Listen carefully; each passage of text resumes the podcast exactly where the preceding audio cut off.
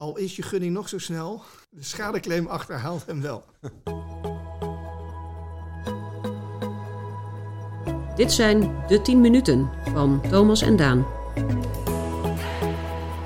Praktische tips en antwoorden op uw vragen over bouwen en aanbesteden.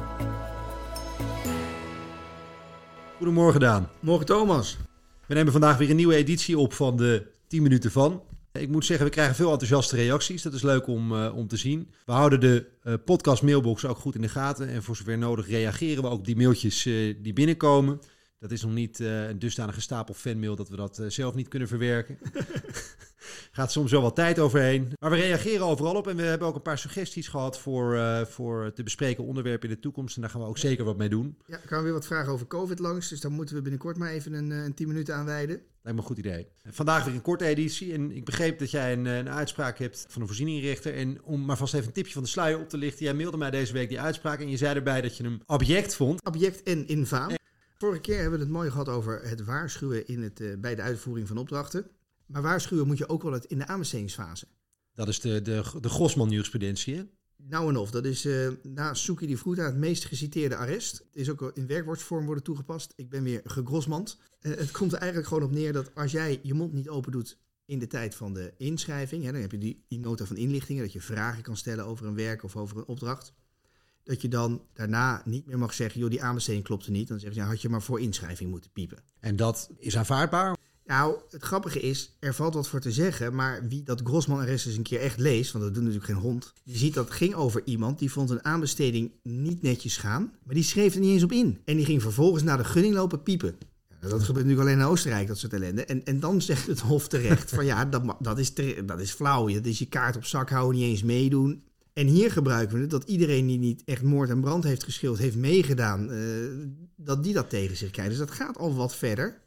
Aan de andere kant, hè, ik kan me goed indenken hoe, hoe dat voor een aanbesteden ook vervelend is. Als iemand zijn smoel houdt over iets wat hem niet aanstaat en dan naar gunning, lekker opportunistisch als hij heeft verloren, zegt van hé hey, trouwens, er zat een foutje, dus die procedure moet over. Dus in die zin, proactiviteit is altijd goed. Ja. Daar, daar, daar, zijn we het toch met elkaar eens. Hè? Ik bedoel, het is alleen de manier waarop. En dan ga je verder, want dan zie je dat, omdat dus rechters eigenlijk ook wel zien van ja, die Grossman verwacht proactiviteit, maar daar houdt het ook wel een beetje mee op dat aanbesteders denken, hoe kunnen we dat verder dichttikken? En dan zie je dus dat ze juridische loopgaven aan het maken zijn. En een daarvan is de roemruchte rechtsverwerkingsclausule. En die luidt meestal zo van dit bestek is met zorg opgesteld. Als u toch onrechtmatigheden ziet, trek aan de bel. Trekt u niet aan de bel, dan verwerkt u uw rechten. En dan staat er meestal ook nog ergens, en vaak moet je ook nog een handtekening bij zetten. Hij of zij die inschrijft, erkent dat deze procedure rechtmatig is. En vind je dat nog redelijk dan? Ja, ik vind dat al ver gaan, want je maakt misbruik van een machtspositie. Want ja, wie durft dat formuliertje niet in te vullen? Want ja. dat formuliertje is jouw enige manier om voor die opdracht in aanmerking te komen. Grappig is ook dat de Tweede Kamer en de staatssecretaris hier al een beetje een punt van hebben gemaakt. In 2019 heeft Mona Keizer al een brief naar de Kamer gestuurd waarin ze zegt: dit soort rechtsverwerkingsclausules wil ik eens tegen het licht houden.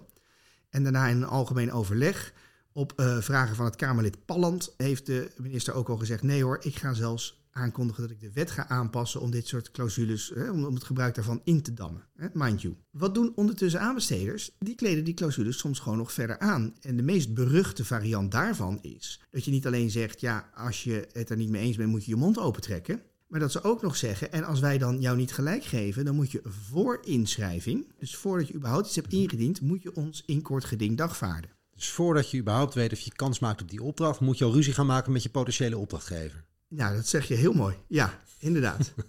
en de kosten die daarbij komen en de tijd die het, ook trouwens de hele procedure, ook voor die opdrachtgever uh, kost. En het zou nog een verhaal kunnen zijn als ze dat met open vizier doen onder het mond van ja, dan weten we tenminste voor inschrijving hoe, ons, uh, hè, hoe, on, hoe rechtmatig ons verhaal is. En je snapt ook wel de praktijk. Vaak wordt er gewoon, worden bezwaren gewoon afgedaan met een simpel niet wetend van ja, ze gaan lekker toch een kort geding starten. Oh, en als we een kort geding zien, dan kunnen we altijd nog wel eens kijken of we erop terugkomen. Het is ja. dus ouderwets uitroken. En daar hou ik niet van, want dat is gewoon misbruik maken van een, wederom een machtspositie. Sta ik daar alleen in? Nee, want de commissie van aanbestedingsexperts heeft al minstens twee keer gezegd ook dat de eis dat je voor inschrijving zou moeten kort gedingen, dat dat gewoon disproportioneel is.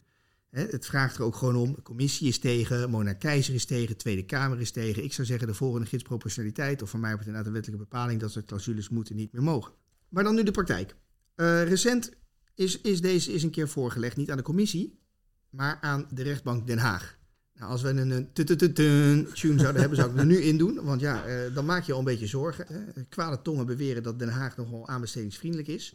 Eh, nou, in deze zaak, plotspoiler, zijn ze dat zeker. We hebben een ministerie dat gaat aanbesteden en zo'n vervelende vervalclausule okay. gebruikt. Dat zal dan vermoedelijk, gelet op de uitspraken van Mona Keizer, niet EZ geweest zijn? Ik had Mona persoonlijk gebeld en door de telefoon getrokken als ik haar nummer had en als het EZ was geweest. Maar nee, inderdaad, het is in dit geval het ministerie van OCNW, Onderwijs, Cultuur en Wetenschappen. Dus uh, EZ gaat vrij uit. En die hebben dus die vervelende clausule. Bezwaar maken als die niet aanstaat. En als we niet aan je luisteren, gelijk kort gedingen. Uh, de inschrijver gaat daar ook over die clausule specifiek zeuren. Van jongens, dat is niet proportioneel, dat kan niet. Nou, alle redenen die, die, die, die jij net bedacht en uh, de aanvullende redenen die ik net noemde. Het uh, ministerie houdt pootstijf, uh, doet alleen nog iets aan de termijn, maar uiteindelijk moet je nog altijd voor de uitslag iets doen en, en houdt die clausule overeind. En nou komt die, na gunningsbeslissing volgt er een, zoals gebruikelijk een kort geding, hè, op het moment dat de rechtsbescherming ja. zijn werk hoort te doen. En dan zegt het ministerie, joh, we hebben die clausule wel gebruikt en we weten dat er gedoe over is geweest, maar we gaan ons daar niet op beroepen. Ze krijgen slappe knieën. Je zou het zeggen, hè? Ja. Je, je, voelt gewoon, denk ik, toch het schaamrood op de kaken van... ja, nee, misschien is dat inderdaad, ook gelet op die commissie... gelet op Mona Keizer, is dat, is dat niet zo chic. Dus bijna een beetje schijnheilig zeggen ze tegen die voorzieningenrechter... nee, vergeet die clausule maar. We vinden wel dat dat mocht, hoor, maar toch even een inhoudelijk oordeel. We zijn eigenlijk wel benieuwd of wat we hadden gedaan mocht. Dan denk je, nou oké, okay, so far so good. Vervelende clausule uh, en een hele rare aanbesteder... die hem eerst te vuur en te zwaard verdedigt... en ja. zich er vervolgens niet op beroept. Maar ja. oké, okay, dan kunnen we nu naar de inhoud gaan. Ja, dan ga je natuurlijk voorbij aan wie is er altijd nog in de aanbestedingsprocedure. De tussenkomer. Exact. De winnaar komt natuurlijk ook even langs. En die is er helemaal niet blij mee dat die inhoudelijke discussie gevoerd dreigt te gaan worden. Dus die zegt, ja, ho eens even. Uh, er is hier een bepaling waarbij u zegt... iedereen die niet kort gedingt voor inschrijving, uh, die gaat u eruit duwen. Nu beroept u zich er niet op. Dat is uh, naar mij weer nadelig. Dus in het kader van het gelijkheidsbeginsel roept die tussenkomer... je moet je op die bepaling beroepen. En wat zegt de voorzieningenrechter te Den Haag? Die zegt, ja, dan heeft die tussenkomer een punt. Uh, jammer dat je je slappe knie hebt gekregen, OCMW. Maar ik zit je knieën wel even recht. Jij moet je op die bepaling beroepen. En vervolgens binnen één alinea wordt de ISRS afgedaan met... ja, jongen, je had voor inschrijving moet korte gedingen... of in ieder geval voor de gunningsbeslissing bekend was... houdoe, bedankt en tot ziens. En die adviezen van de commissie dan? Exact, die, die heeft hij ook naar voren gebracht, blijkt uit het vonnis. Want daarin staat gewoon dat dit niet mag. En dan zegt hij, tot slot kan ook het beroep op het advies van de commissie van aanbestedingsexperts haar niet baten. Daarvoor is allereerst van belang dat de adviezen van die commissie niet bindend zijn. Ja, en dan word ik toch wel zo chagrijnig, Thomas. Want die hele commissie was ingesteld onder het mom... we gaan met z'n allen beter aanbesteden. Ja. En als we zien dat dingen disproportioneel zijn... dan gaan we dat gebruiken om daar lering uit te trekken. En dan komt er zo'n recht, ja, is toch niet bindend. En dan haalt hij vervolgens een arrest van het Europees Hof uit, mind you, 2007. Zover moet hij al terug. Dus in het aanbestedingsrecht is dat... Uh... Ancient history. En, en bovendien uh, een, een compleet uit zijn verband getrokken. Uh, voor, voor, voor de liefhebber wil ik nog wel eens een keer na nader op ingaan, maar uh, voor de 10 minuten voerde te ver. Maar dat arrest zegt helemaal niet, uh, geeft helemaal geen vrijbrief voor dit soort abjecte en infame restverwegingsclausules. en, en waar die dus ook helemaal aan voorbij gaat, is dat notabene de minister zelf al, hè, de wetgevende macht, de regering, parlement al hebben gezegd van dit moeten we ook niet doen. Lang verhaal kort, de rechtbank Den Haag keurt nu dus dit soort abjecte infame clausules goed. Sterker nog, als een aanbesteder zegt, joh, ik beroep me er niet op, dan dwingt hij de aanbesteder om zich erop te roeren. Vorige week zei hij tijdens uh, onze opname: het wordt er niet makkelijker op voor de aannemer. Maar dat kunnen we nu herhalen, alleen dan nog een stadium eerder, namelijk voor de inschrijver. Exact. Maar is het nu gedaan met dit ene president van één rechter? Ja, normaal is natuurlijk het verhaal uh, aanbestedingsrecht, kort geding loont niet. Dus ja, het president staat. Nou, ik heb in de wandelgangen gehoord dat hier wel degelijk een, een, een, een spoedappel tegen ingesteld is. Uh, dus ik hoop van harte dat het Hof hier korte metten mee maakt. Ja dan toont het A weer het belang dat hoger beroep zou moeten zijn toegestaan aan het aanbestedingsrecht om dit soort ongelukken recht te zetten. En B, veel belangrijker, het ongeluk wordt rechtgezet. Het andere puntje aan de horizon is natuurlijk nog steeds. De staatssecretaris heeft ja. zelf gezegd dat ze van dit soort rechtsverwerkingsclausule af wil. En in ieder geval het lid Palland heeft in het algemeen overleg de staatssecretaris gevraagd van ja, kom maar even met wetgeving daarover.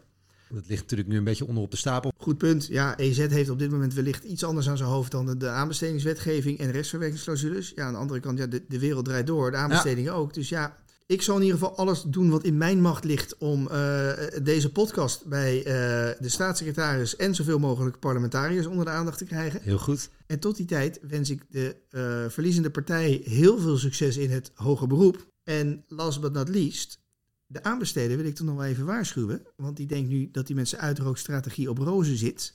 onthoud één ding. Dit zegt helemaal niks over wat er in bodemprocedures gebeurt. En dan zou je kunnen denken van ja, ja, bodemprocedure, schadevergoeding, dat gebeurt bijna Mhm. nooit. Ja, dat dacht de gemeente Utrecht ook. en dan komt er, om deze podcast toch met een mooi eh, glimlach af te kunnen sluiten, komt er nog een mooie uitspraak van de rechtbank Utrecht. Er verschijnt binnenkort een noot van mij over in de Jaan. En ehm, daar probeerden ze ook met een rechtsverwerkingsclausule eh, te zeggen van ja, wie niet tegen de, in dit geval gunningsbeslissing opkomt, kan ook niet later schadevergoeding in de bodem vorderen. Nou, hier was een heerlijke ijzer met, met haar op zijn tanden, of nou in ieder geval tanden als een pitbull. Met een WOP-procedure kregen ze boven tafel dat die procedure wel degelijk onrechtmatig was verlopen. En einde van het liedje staat de gemeente Utrecht nu aan de lat om het complete gederfde positief contractbelang te vergoeden. Klinkt als je- een juridische thriller dit. eh. Heerlijk. Eh, Misschien moeten we er oprecht nog een aparte podcast aan wijden. Maar voor nu, aanbesteders, bezint eer ge begint. Al is je gunning nog zo snel, de schadeclaim achterhaalt hem wel. Nou, laten we het daarmee afsluiten, Daan. Dankjewel. Dank voor dit therapeutische momentje, Thomas. Graag gedaan.